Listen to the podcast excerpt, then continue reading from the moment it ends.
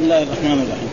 الحمد لله رب العالمين والصلاة والسلام على أشرف الأنبياء والمرسلين سيدنا ونبينا محمد صلى الله عليه وعلى آله وصحبه أجمعين. قال الإمام البخاري رحمه الله باب ما يذكر في الطاعون.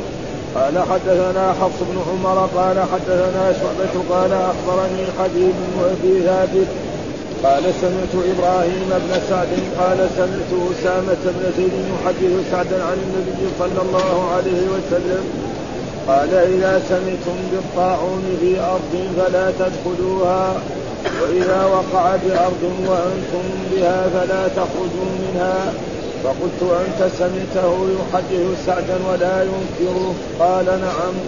قال حدثنا عبد الله بن يوسف قال أخبرنا مالك عن ابن شهاب عن عبد الحميد بن عبد الرحمن بن زيد بن الخطاب عن عبد الله بن عبد الله بن الحارث بن نوفل عن عبد الله بن عباس أن عمر بن الخطاب رضي الله عنه خرج إلى الشام حتى إذا كان بسر لقيه أمراء الأجناد أبو عبيدة بن جراح أبو عبيدة بن جراح وأصحابه فأخبروه أن الوباء قد وقع بأرض الشام. قال ابن عباس فقال عمر ادعوا للمهاجرين الأولين فدعاهم فاستشارهم وأخبرهم أن الوباء قد وقع في الشام فاختلفوا فقال بعضهم قد خرجنا لأمر ولا نرى أن نرجع عنه. وقال بعضهم معك بقية بقية الناس وأصحاب رسول الله وأصحاب رسول الله صلى الله عليه وسلم ولا نرى أن تقدمهم على هذا الوباء فقال ارتفعوا عني. ثم قال ادعوا للأنصار فدعوتهم فاستشارهم فسلكوا سبيل المهاجرين واختلفوا كاختلافه. فقال ارتفعوا عني. ثم قال ادعوا لي من كان ها هنا من مشيخة قريش من مهاجرة الفتح. فدعوتهم فلم يختلف منهم عليه رجلان فقالوا نرى أن ترجع بالناس ولا تخدمهم على هذا الوباء. فنادى عمر في الناس إني مصبح على وهر فأصبحوا عليه. فقال أبو عودة بن الجراح فرارا من قدر الله. فقال عمر لغرك قالها يا أبا عبيدة. نعم تفر من قدر الله إلى قدر الله. أرأيت إن كانت لك إبل هبطت واديا له عدوتان إحداهما خصيبة والأخرى جدبة أليس إن رعيت الخصيبة رعيتها بقدر الله؟ وإن رعيت الجدبة رعيتها بقدر الله؟ قال فجاء عبد الرحمن بن عوف وكان متغيبا في بعض حاجته فقال إن عندي في هذا علما. سمعت رسول الله صلى الله عليه وسلم يقول إذا سمعتم به بأرض فلا تقدموا عليه وإذا وقع بأرض وأنتم بها فلا تخرجوا فرارا منه. قال فحمد الله عمر ثم انصرف قال حدثنا عبد الله بن يوسف قال أخبرنا مالك عن ابن شهاب عن عبد الله بن عامر أن عمر خرج إلى الشام فلما كان بسر بلغه أن الوباء قد وقع بالشام فأخبره عبد الرحمن بن عوف أن رسول الله صلى الله عليه وسلم قال إذا سمعتم به بأرض فلا تقدموا عليه وإذا وقع بأرض وأنتم بها فلا تخرجوا فرارا منه.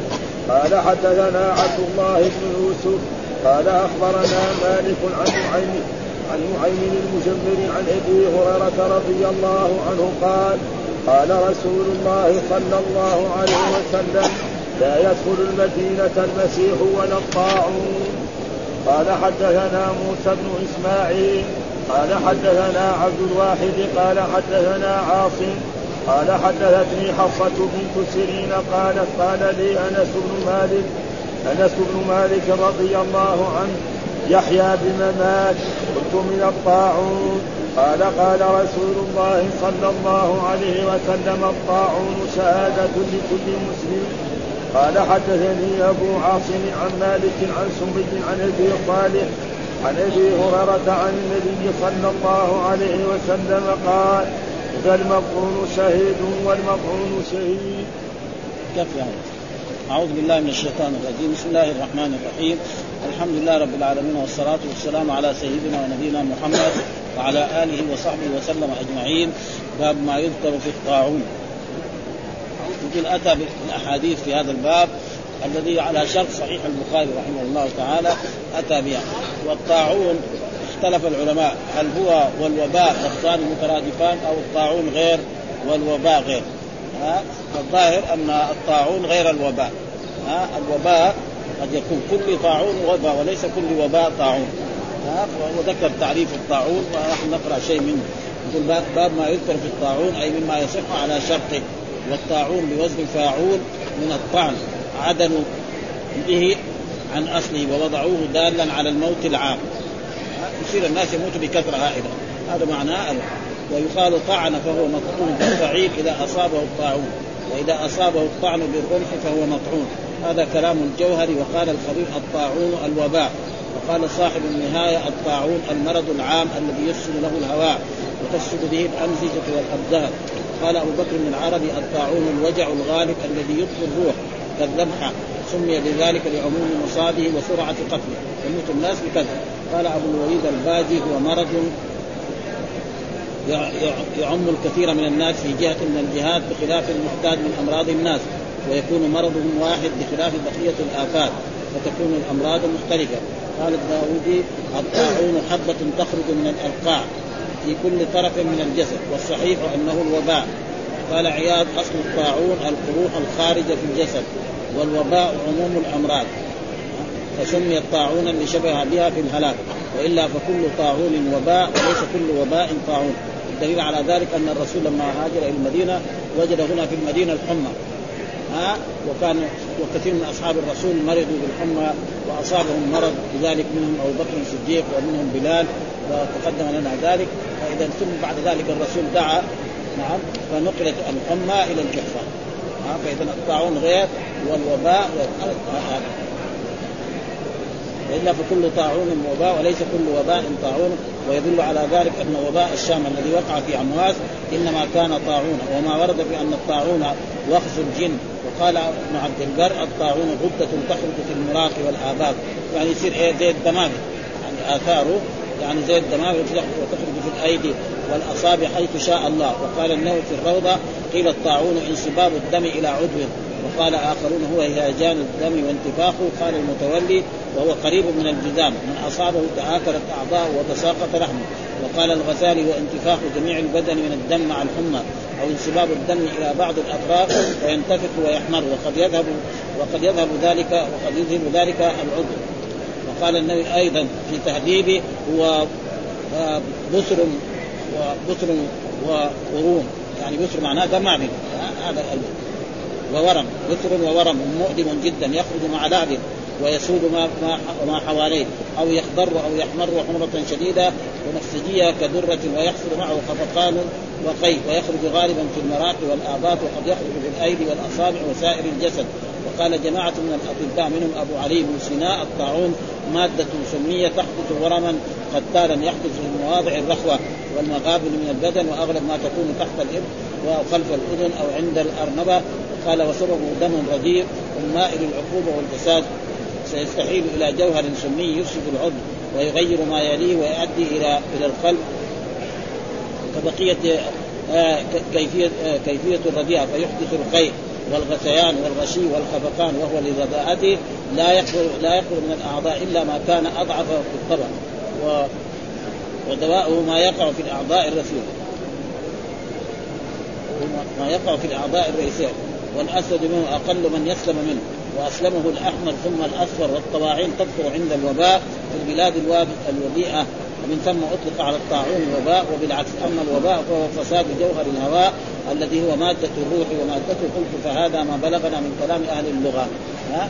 وطول يعني الحافظ في هذا الباب شرع كثير يعني يكفينا هذا إنه تقريبا. ومن الأشياء الذي معروفة أن الطاعون لا يدخل لا يكون في المدينة ابدا. الرسول طاعون لا يمكن أن يكون في المدينة وكذلك في مكة يقول بعض العلماء كذلك هذه من الأشياء. وأما الوباء فإن الحمى كانت في المدينة ثم دعا الرسول لها آه، فانتقلت عن المدينة إلى الجحفة وزال أثرها ودعا الرسول صلى الله عليه وسلم اللهم حبب إلينا المدينة كحبنا مكة أو أشد. ها كما تقدم لنا في الأحاديث. فيقول باب ما ذكر في الطاعون. إيش الحديث؟ قال حدثنا حفص بن عمر حدثنا شعبة قال أخبرني حبيب ابن أبي ثابت قال سمعت إبراهيم بن سعد ها قال سمعت أسامة بن زيد بن سعد بن سعد بن وقاص. قال سمعت أسامة بن زيد يحدث سعدا ها والده عن النبي صلى الله عليه وسلم قال إذا سمعتم الطاعون في أرض فلا تدخلوها وإذا وقع بأرض وأنتم بها فلا تخرجوا منها. هذا هو الحديث ها الطاعون إذا وقع في أرض وأنتم بها لا تخرجوا منها فاذا وقع في أرض و... فلا تدخلوا إليها.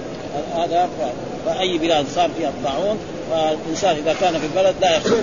يبقى حتى ولذلك آه، أبو عبيدة لما أراد عمر أن يخرجه من من الشام أبى ذلك. فكتب إليه كتابا من المدينة أريدك أن تحضر إليه.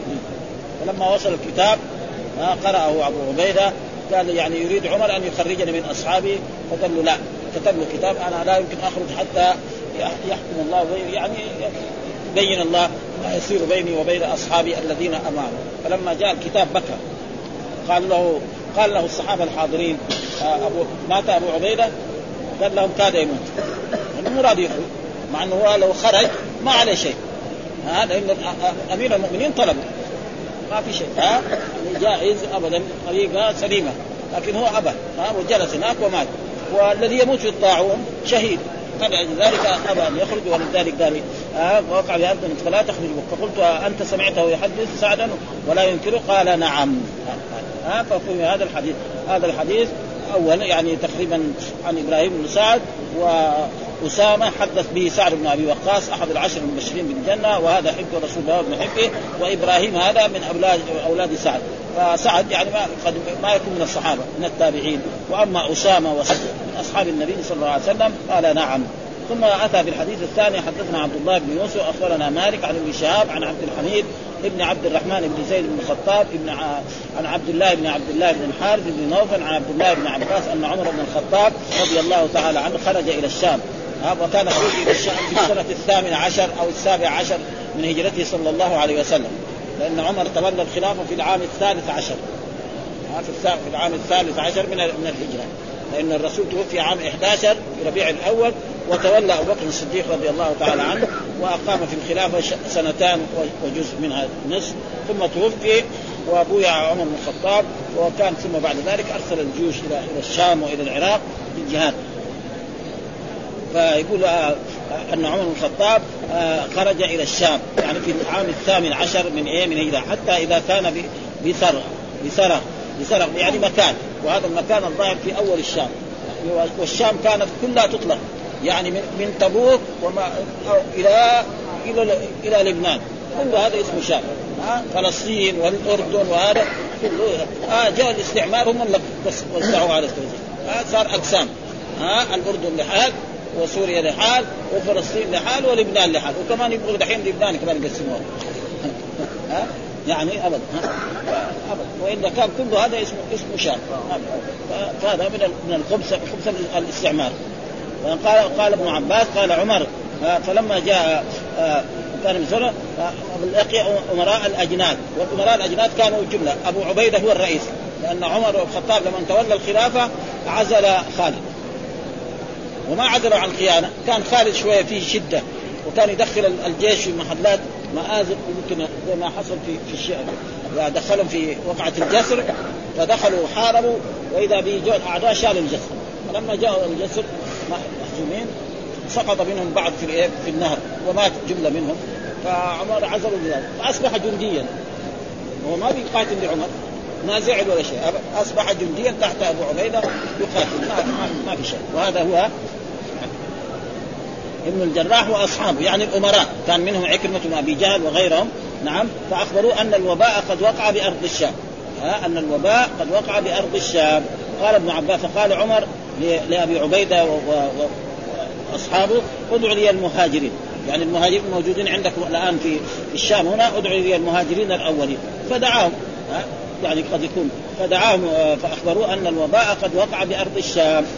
أن الوباء قد وقع قال ادعوا للمهاجرين فدعاهم فاستشارهم. يعني ماذا تفعل؟ هل ندخل إلى الشام أو لا ندخل؟ فأخبرهم أن الوباء قد وقع فاختلفوا. اختلف فقال بعضهم قد خرجنا لأمر. لأنه عمر خرج لأمر لأنه قالوا لا, لا نسلم الشام حتى نسلمها للخليفة. نص. فخرج إلى الشام لأجل هذا فقال لا. ها طيب آه وناس قال لا نحن جينا لأمر. لازم ندخل. إيش يهمنا؟ فإذا قدر الله علينا نموت نموت. واذا قدر علينا ما يحصل لنا شيء.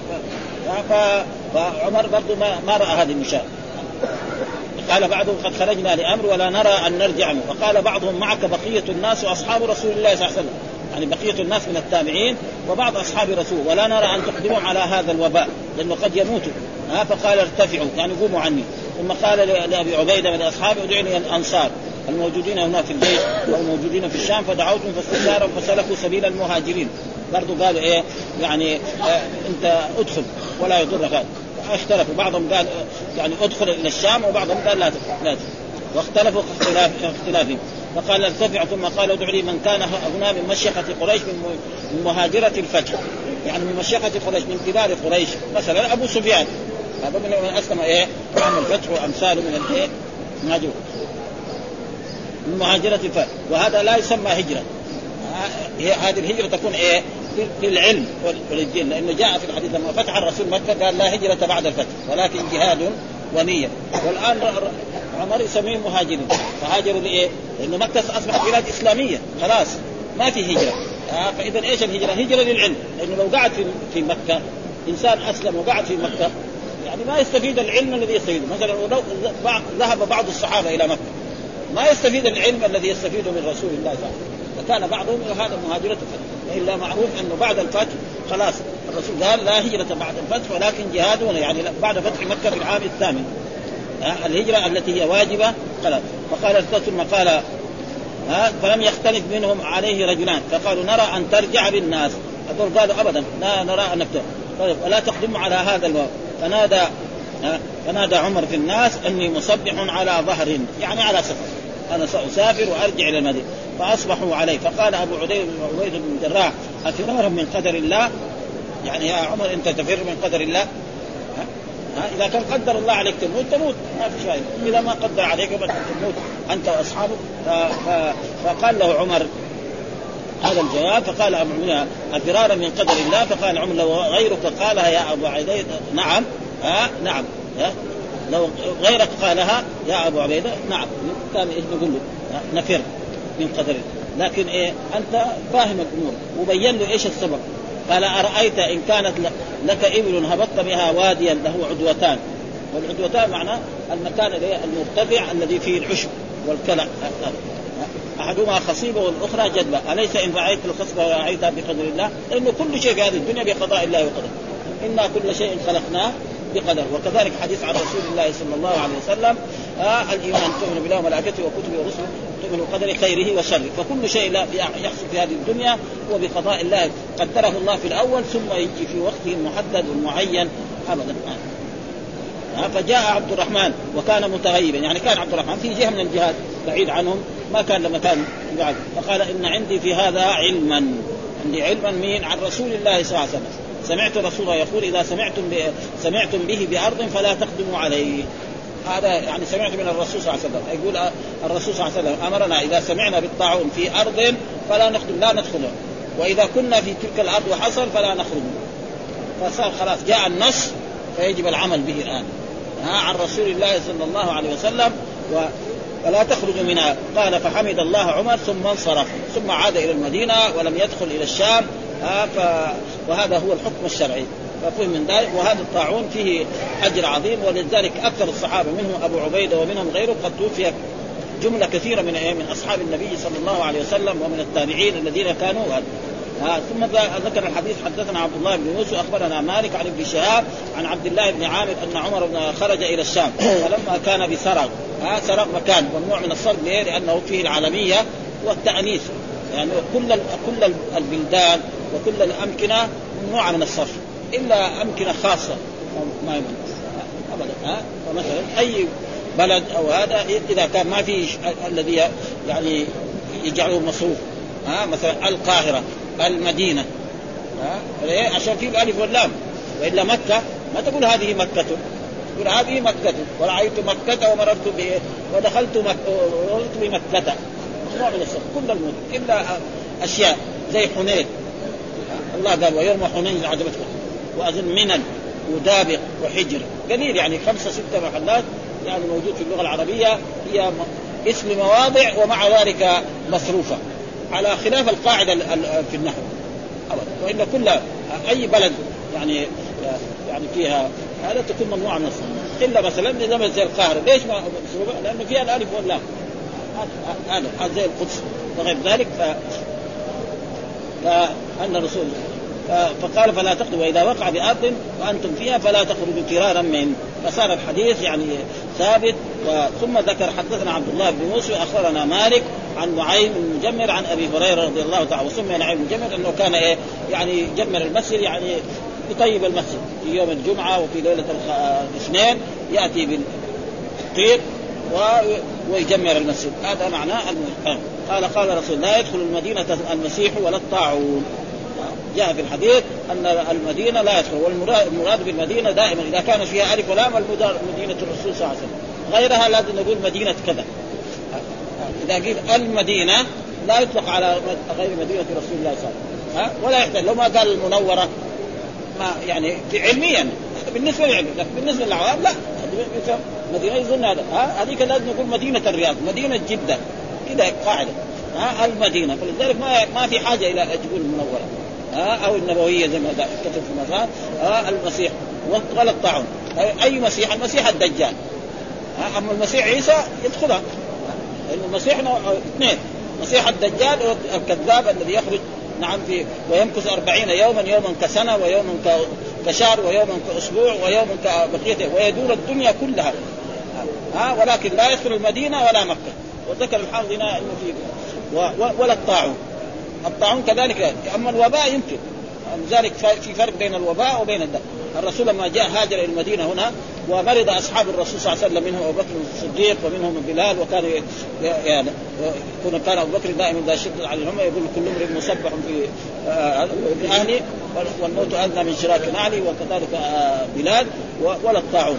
فهذا يعني تقريبا ميزة والمدينة لها ذات كثيرة. ثم قال حدثنا موسى بن إسماعيل حدثنا عبد الواحد حدثنا عاصم حدثتني حفصة بنت سيرين.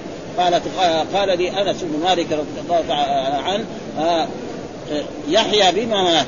ها قلت من الطاعون. قال قال رسول الله الطاعون شهادة لكل مسلم. ومعلوم أن ابن سيرين إيش علاقته بأنس؟ لأنه سيرين هذا مولى. عتيق لأنس. وتعلم من من أنس بن مالك وأصبح من التابعين. وجاء له ولد بعدين صار اسمه محمد بن سيرين وكذلك فهو يعني مولى. فقال أنس بن مالك آه، يحيى يحيى يحيى هذا ولد محمد بن سيرين. ما هو يحيى مثلا النبي ولا شيء يحيى بن سيرين بما مات سال إيه؟ يعني الأخت حفصة. يعني أخوك يحيى هذا إيش إيش سبب موته؟ قال بالطاعون. هذا هذا ها؟ المراد بيحيى يحيى أخو حفصة هذه. بنت إيه؟ سيرين. هذا المراد بيحيى قد نعلم أو قد يظن يحيى آخر أو يحيى الذي هو ابن زكريا عليه السلام. والمراد هذا. قال قال رسول الطاعون شهادة لكل مسلم. كل مسلم يموت في الطاعون فهذه إيه؟ شهادة. ها ومعلوم أن الشهداء كثيرون. ها فذكر الرسول في أحاديث كثيرة أن الشهداء كثير منها مثلا الذي يجاهد في سبيل الله ويقتل. هذا الشهيد في الدرجة الأولى المعركة الأولى يعني المعركة. وهذا لا يغسل نعم ولا يكفن ولا يصلى عليه ويدفن بثيابه. والشهداء الآخرون لا هذول يصلى عليهم نعم ويكفنون ويغسلون فلكن شهد والمطعون كذلك والذي يموت بالغرق والذي يموت بالهدم كذلك كثير من الشهداء. آه ثم ذكر حدثنا أبو عاصم عن مالك عن سميع عن أبي صالح عن أبي هريرة عن النبي صلى الله عليه وسلم قال المفتون شهيد والمطعون شهيد. المفتون يعني الذي يصيب إيه؟ بطن الذي هو هذا اللسان الشديد والمطعون شهيد الذي يطعن ويموت. فذكر إنه إيه؟ شهيد. قال أبو عبيدة وهو ذاك أمير الشام فرارا من قدر الله أترجع فرارا من قدر الله؟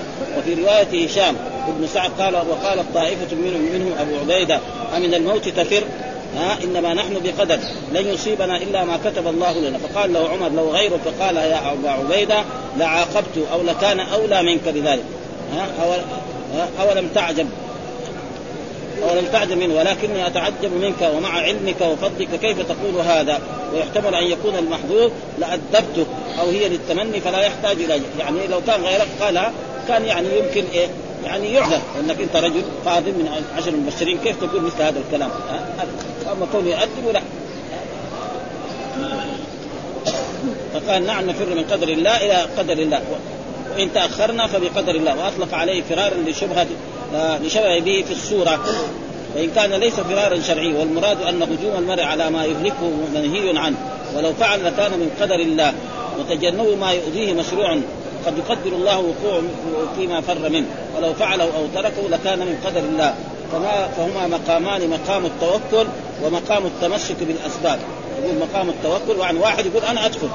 هذا فيكون إيه؟ متوكل. وآخر يقول لا أنا أنا يعني أتمسك بالأسباب. ما دام الرسول قال هذا أنا لا أدخل. ويحسب قول عمر نفر من قدر الله إلى قدر أنه أراد أنه لم يفر من قدر الله حقيقة. وذلك لأن الذي فر منه أمر آه، خاف على نفسه منه. فلم يهجم عليه والذي فر إليه أمر لا يخاف على نفسه منه. ها؟ وعدوتان بضم عدوتان بضم العين المهملة وكسر الضاد وسكون الدال المهملة أي ثنية عدوى وهو المكان المرتفع من الوادي. ها؟ ها؟ احدهما خصيبة أي عظيمة بوزن عظيمه حتى من التين وصار لغير ياء زاد مسلم في رواية معمر قال أرأيت لو أنه راعى الجدبه وترك الخصبه أكنت معجزه؟ معجزة وهو بتشديد الجيم قال نعم. قال فسر. واذا إذا فسار حتى أتى المدينة فجاء عبد الرحمن وهو موصول عن ابن عباس وكان متغيبا في بعض حاجته يحضر أي لم يحضر معهم في المشاورة المذكورة لغيبته. وقول عندي هذا علم. وروى هذا. إذا سمعتم بأرض فلا تقدموا عليه وهو موافق للمتن الذي قبله عن أسامة بن زيد وسعد وغير فلعله لم يكونوا مع عمر في تلك السفرة. فلا فلا تخرجوا فرارا منه. وعن عبد الله بن عامر وهو ابن ربيعة وثبت كذلك في رواية القعنبي كما سيأتي في ترك الحيل. ولما سمع الخبر استمر على عزمه الأول ولولا الخبر لمس فالحاصل أن عمر أراد بالرجوع ترك آه، الإلقاء إلى التهلكة. وهو كمن أراد الدخول إلى دار فرأى بها مثلا حريقا. تعذر طفه فعدل عن دخولها لئلا لئلا يصيبه. فعدل عمر لذلك فلما بلغه الخبر جاء موافقا لرأيه فعاجبه فلأجل ذلك قال من من قال إنما رجع لأجل الحديث لا لما اقتضاه نظره فقط. وقد أخرج الطحاوي بسند عن أنس بن مالك أن عمر أتى الشام فاستقبله أبو طلحة وأبو عبيدة فقال يا أمير إن معك وجوه الصحابة وخيارهم فانا تركنا من بعدنا مثل حريق. النار فارجع العام فرجع وهذا هو الظاهر ويعارض هذا الحديث. المقصود يعني عمر؟ ما ما دخل. وهذا هو السبب الحديث الذي ذكره. ويؤيد ما أخرجه الهيثم من كلب الطحاوي والبيهقي بسند حسن أن هذا الطاعون قد وقع فمن أراد أن يتنزع عنه فليفعل. وحذروا اثنتين أن يقول قائل خرج خرج خارج فسلم وجلس جالس فأصيب. فلو كنت خرجت لسلمت كما سلم فلان أو لو كنت أو لو كنت جلست اصبت كما أصيب فلان. لكن أبو موسى حمل النهي على من قصد الفرار محضا ولا شك أن الصور ثلاث. من خرج لقصد الفرار محضا فهذا يتناوله النهي لا محاله ومن خرج لحاجة متمحضة لا لفسد لا لقصد الفرار أصلا ويتصور ذلك في من تهيأ للرحيل من بلد كان بها إلى بلد إقامته مثلا ولم يكن الطاعون قد وقع فاتفق وقوعه في أثناء تجهيزه. فهذا لم يقصد الفرار أصلا فلا يدخل. ها؟ يعني هو أراد يروح إلى بلدة ثانية. تجهز وجاب يعني حضر ما يركبه من الحيوان وثم وقع الطاعون. هل يخرج؟ الجواب له أن يخرج لأنه هو ما فرق ما حصل كان قبل ذلك. وهنا كذلك ذكر هذا. عدم الخروج لأبد وإنما هو القصد التداعي وعلى ذلك يحمل ما وقع في أثر أبي موسى المذكور أن عمر كتب إلى إلى أبي عبيدة إن لي إليك حاجة فلا تضع كتابي من يدك حتى تقبل إليه. فكتب إليه إني قد عرفت حاجتك وإني في جند من المسلمين لا أجد لنفسي رغبة عنهم. فكتب إليه أما بعد فإنك نزلت بالمسلمين أرضا غنيقه فارفعهم إلى أرض نزهه فدعا أبو عبيدة أبو موسى فقال أخرج. فارتد المسلمين منزلا حتى انتقل بهم فذكر القصة في اشتغال أبي موسى بأهله ووقوع الطاعون بأبي عبيدة لما وضع رجله في الركاب متوجها انه نزل بالناس في مكان آخر فارتفع الطاعون. وقوله غنيقه بغير معجمه وفاء بوزن عظيمة أي قريبة من المياه والنزول.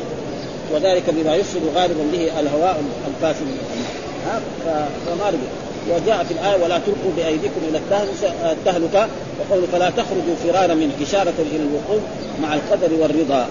وقالت قال لي أنس ليس آه ليس لحفصة بنت سيرين عن أنس في البخاري إلا هذا الحديث. ها؟ يقول لك الأفعال أنه لحفصة بنت سيرين ليس لها في البخاري إلا هذا الحديث عن يحيى بما مات أي بأي شيء مات وقع في بما مات بأشباع الميم وهو وهو للأصيل وهو مال استفهامي وهذا قاعد بما مات. دائما إذا يعني حرف الجر دخل علامات استفهاميه تحذف الألف. ما ما يجوز إيه؟ نحط الألف. زي عما يتساءلون. اصله إيه؟ عن عما يتساءلون.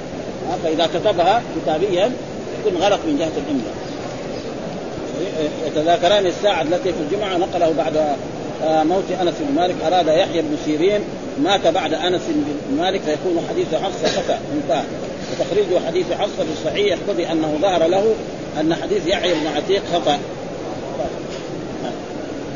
وسياتي من خير من ثلاثة قيود في حديث عائشة الذي في الباب بعده وكأن هذا هو السر في إيراد عقبة.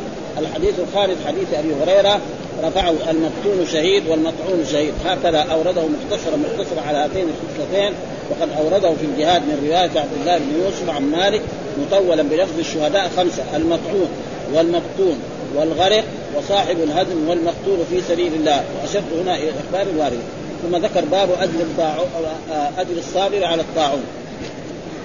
الذي يصبر على الطاعون إذا وقع وما خرج وجلس إما مات وإما نعم أزال الله الطاعون وحي فإن بعض أصحاب الرسول وبعض الجيش ما مات كلهم مات الجمله منهم والباقون نعم سلموا فله أجر إيه؟ أجر الشهيد. فمثل أبو عبيدة حصل له أجر الشهيد. وغيره من أصحاب النبي صلى الله عليه وسلم ومن الجيش الذي مات فيه. هذا كان يسمى طاعون عمواس معروف يعني طاعون عمواس كان في السنة الثامنة عشر أو أو السابع عشر. بعضهم يقول كذا وبعضهم يقول إيش الدليل؟ قال آه، أخبرنا إسحاق. قال أخبرنا حباب حدثنا داوود بن أبي الفرات. قال حدثنا عبد الله بن بريدة. عن يحيى بن يعمر عن عائشة زوج النبي صلى الله عليه وسلم اخبرت أنها سألت رسول الله عن الطاعون فأخبرها نبي الله أنه كان عذابا يبعثه الله على من يشاء فجعله الله رحمة للمؤمنين فليس من عبد يقع الطاعون في يقع الطاعون فيمكث في بلده صابرا يعلم أنه لا يصيب إلا ما كتبه الله إلا كان له مثل أجر الشهيد. يعني الطاعون زي ما قال الله نعم في بني إسرائيل ها؟ فأرسلنا عليهم الطوفان والجراد والقمل والضفادع والدم ها؟ هذا هذا عذاب للأمم السابقة. أما الطاعون إذا وقع في هذه الأمة في أمة الرسول صلى الله عليه وسلم فهو هذا تكفير لسيئاتهم وفيه يحصل لهم أجر الشهيد مثل ما حصل في أصحاب رسول الله صلى الله عليه وسلم في طاعون امواس هذا فهذا لا عن الطاعون فاخبرها نبي الله أنه كان عذابا يبعث الله على من يشاء من عباده. زي ما يعني فأرسلنا عليهم الطوفان. الطوفان هذا فسره بعضهم الطوفان يعني المياه كثير وفسره بعضهم بالموت. يعني مر علينا في التفسير انه أرسلنا عليهم الطوفان، إيش المراد بالطوفان في هذه الآية؟ الموت، ذكر الموت في بني إسرائيل بكثره هائله في في, في, في الأخبار في الطب. كثره هائله أو في بني إسرائيل. فأرسلنا عليهم الطوفان والجراد والقمل والضغاث في في القبط يعني. وبعضهم فسره الطوفان الذي الذي بعثه الله على قوم نوح. أمر السماء كنت والامر فاخبر أنه كان عذابا يبعثه الله فجعله رحمة للمؤمنين فليس من عبد يقع الطاعون فيه يمكث في بلده صابرا يعلم أنه لن يصيبه إلا ما كتبه الله له. ها إلا كان له مثل أجر الشهيد. وكان كثير بعض الصحابة يعني لم يخرجوا ابدا حتى يعني زال هذا الطاعون بهذه الايه على من شاء من كافر أو عاص كما تقدم في قصة آل فرعون وفي قصة أصحاب موسى مع بلعام فجعله الله رحمة لاي من هذه الأمة وفي حديث أبي عسيب عند الطاعون شهادة للمؤمنين ورحمة لهم ورجس على الكافرين وهو صحيح في أن كون الطاعون رحمة إنما هو خاص بالمسلمين. إذا وقع وإذا وقع للكفار فإنما هو عذاب عليهم يعجل لهم في الدنيا قبل الآخرة. واما العاصي من هذه الأمة فهل يكون الطاعون له شهادة أو يختص المؤمن الكامل؟ فيه نظر. والمراد بالعاصي من يكون مرتكب الكبيره ويهجم عليه. ذلك. وهو مصر. فإنه يحتمل أن يقول آه، أن يقال لا يكرم آه، لا يكرم بدرجة الشهادة لشبه ما كان متلبسا به. لقول أم حسب الذين اجترحوا السيئات أن نجعلهم كالذين آمنوا وعملوا الصالحات سواء محياهم ومات. وأيضا وقد وقع في حديث ابن عمر ما يدل على أن الطاعون ينشأ عن ظهور الفاحشة وأخرجه ابن ماجه والبيهقي لم تظهر الفاحشة في قوم قط حتى يعلنوا بها إلا فشى فيهم الطاعون والأوجاع التي لم تكن مضت في اسلافهم الحديث وفي إسناد خالد بن يزيد وأبي مالك وكان من فقهاء الشام لكنه ضعيف. وفي الموقع ولا فشى الزنا في قوم قط إلا كثر فيهم الموت. وفيه انقطاع وأخرج الحاكم من وجه آخر موسوع إذا ظهر الزنا والربا في قرية فقد أحلوا بأنفسهم عذاب الله وللطبراني موصولا من وجه آخر عن ابن عباس نحو سياق مالك وفي سنده مقال ما من قوم يظهر فيهم الزنا إلا أخذوا بالفناء. الحديث الحديث سنده وفي حديث بريدة عند الحاكم ولا ظهرت الفاحشة في قوم إلا سلط الله عليهم الموت. ولأحمد بن حديث عائشة مرفوعا لا تزال أمتي بخير ما لم يفش فيهم ولد الزنا فاذا فشى فيهم ولد الزنا أو أوشك أن يعمهم الله بعقاب وسنده حسن. وفي هذه الأحاديث أن الطاعون قد يقع عقوبة بسبب المعصية فيكون فكيف يكون شهادة ويحتمل أن يقول أن يقال بل تحصل له درجة الشهادة لعموم الأخبار الواردة ولا سيما في الحديث الذي قبله عن أنس عن أنس الطاعون شهادة لكل مسلم. ولا يلزم من حصول درجة الشهادة لمن اجترح السيئات مساواة المؤمن الكامل في المنزل لأن درجات الشهداء متفاوتة كنظيره من العصاة. إذا قتل مجاهدا في سبيل الله لتكون كلمة الله هي العليا مخبرا غير مدبر ومن رحمة الله بهذه بهذه الأمة المحمدية أن جعل أن يجعل لهم العقوبة في الدنيا ولا ينافي ذلك أن يحصل من وقع به الطاعون أجر الشهادة. ولا سيما وأكثرهم لم يباشر تلك الفاحشة وإنما عمهم الله أعلم. هذا لتقاعدهم عن انكار لتقاعدهم عن إنكار المنكر وقد أخرج كذلك آه عتبة بن عبيد رفعه القتل ثلاثة. رجل جاهد في نفسه وماله في سبيل الله. حتى إذا لقي العدو قاتلهم حتى فذاك شهيد المفتخر في خيمة الله تحت عشر لا يقتله لا يقتله لا يقتله النبيون إلا بدرجة النبوة. ورجل مؤمن قرب على نفسه من الذنوب. قرب على نفسه من الذنوب والخطايا جاهد بنفسه وماله في سبيل الله. حتى إذا لقي العدو قاتلهم حتى يقتل ومحت خطاياه. وإن السيف محاه وإن السيف محاء لخطاء ورجل منافق جاهد بنفسه وماله حتى يقتل فهو في النار. إن السيف لا يمحو النفاق. وأما الحديث إن الشهيد يغفر له كل شيء إلا الدين فإنه يستفاد من أن الشهادة لا تكفر التبعات. وحصول التبعات لا يمنع حصول درجة الشهادة وليس للشهاده معنى إلا أن الله يثيب آه، يثيب من حصلت له ثوابا آه، مخصوصا ويكرمه كرامة زائد وقد بين الحديث أن الله يتجاوز عنه ما عدا التبعات. ولو فرض أن الشهيد أن للشهيد أعمالا صالحة وقد كفر آه، كفرت الشهادة أعماله السيئه غير التبعات فإن أعماله الصالحة تنفعه في موازنه ما عليه. فطول يعني فيه كذلك هنا قال إنه حدث عن رسول أن أكثر الشهداء أمتي لأصحاب الفرش. ورب قتيل بين الصفين الله أعلم بنيته. ويكفي ذلك خالد بن وليد. مات إيه؟ ما حصل الشهادة ومات على فراشه مع إنه كان يتمنى أن يموت. لأن كل واحد له إيه يعني الموت. واستنبط من الحديث أن من اتصف بالصفات المذكوره ثم وقع به الطاعون فمات به أن يكون له أجر شهيدين ولا مانع من تعدد الثواب بتعدد الأسباب كمن يموت غريبا بالطاعون. أو نفساء مع الصبر والاحتساب والتحقيق في في فيما اقتضاه حديث الباب أنه يكون شهيدا بوقوع الطاعون. ويضاف له مثل أجر الشهيد بصبره وثباته فإن درجة الشهادة شيء. وأجر الشهادة شيء وقد أشار إلى ذلك الشيخ أبو محمد بن جمرة. قال وهذا هو السر في قوله والمطعون شهيد. وقوله فله مثل أجر الشهيد. ويمكن أن يقال بل درجات الشهداء متفاوتة. ما نقدر بس باب آه باب الرقى بالقرآن والمعوذات. باب الرقى. الرقى معناه يعني تعاويذ تقرأ على المريض أو على مكان الألم. هذا معنى الرقى. تعاويذ تقرا على المريض أو على مكان الألم فهذه إذا كانت من كتاب الله ومن سنة رسوله صلى الله عليه وسلم فهي مشروعة. ها والرسول كان يرقي نفسه وكان يرقي أصحابه ويأمر أصحابه كما تقدم لنا في الحديث الذي قبل لا يعني الرقية نافعة. أنفع الرقى يعني من الحمى. يعني إنما إيش؟ لا رقية إلا من عين أو حمى، لا رقية إلا من عين أو حمى، ها؟ لا رقيه إلا من عين أو حمى، هذا مرة. ها؟ يعني الرقى نافعة دائما مع الحصر من عين أو حمى، والعين معنى الحسد، ها؟ واحد يقول فلان كذا كذا.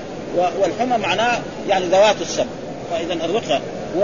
ثم قال بالقرآن والمعوذات، بالقرآن والمعوذات، القرآن هذا عام، بعدين والمعوذات يصير من عطف الخاص إلى العام. ها؟ المعوذات من إيه؟ من القرآن. فالرقى إذا جائزة. إذا كانت بالقرآن أو بأحاديث الرسول صلى الله عليه وسلم أو بجمل من كلام عربي فصيح ليس فيه أشياء ما تعرف فإن جائز، إيش الدليل؟ قال حدثنا إبراهيم بن موسى أخبرنا هشام عن معمر عن الزهري عن عروة عن عائشة رضي الله تعالى أن النبي كان ينبت على نفسه في المرض الذي مات فيه بالمعوذات فلما ثقل كنت أنبت عليه بهن وأمسح بيده بيده بيده نفسه لبركتها. يقول كان الرسول صلى الله عليه وسلم لما اشتد مرضه في لما توفي صلوات الله وسلامه كان ينبت على يعني يقرأ ويجعل على مثلا كان معاه ثم يقرأ المعوذات ثم ينفس كذا ثم يجعل على رأسه أو على بطنه أو المكان الذي كان في المرض الذي مات بالمعوذات. والمعوذات تشمل إيه؟ السور قل أعوذ برب الفلق وقل أعوذ برب الناس. ولكن بعضهم قال إنها تشمل كذلك قل هو الله أحد. ها؟ يعني تشمل إيه؟ قل هو الله أحد. فلما ثقل يعني اشتد مرضه. ثقل معنى الشيء كنت انفث عليه بهن. يعني أقرأهن ثم آخذ يد الرسول صلى الله عليه وسلم اليمنى وأنفث فيها وأجعلها في إيه؟ في مكان الألم.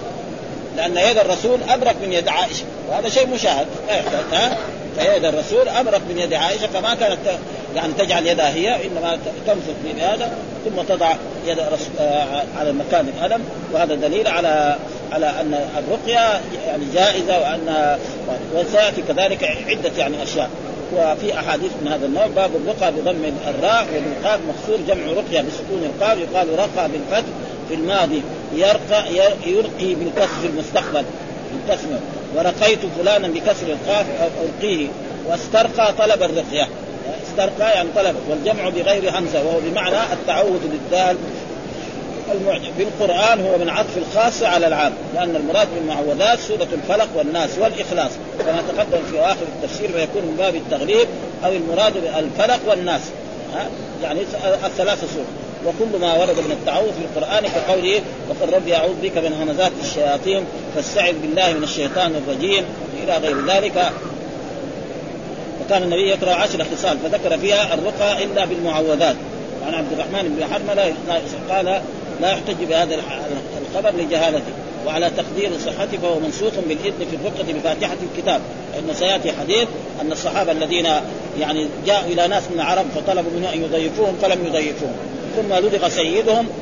نعم فعملوا كل دواء في قرية ما نفع. فقال بعضهم لبعض اذهبوا إلى هؤلاء القراء لعله يكون عندهم دواء. فجاءوا إلى الصحابة قال لهم الصحابي أنا أداوي لكم. لكن بلاش ما في. مجانا ما في. عينوا لنا يعني غ... آه يعني غنم عدد من الغنم. فعينوا لهم عشرة أو أكثر أو أقل.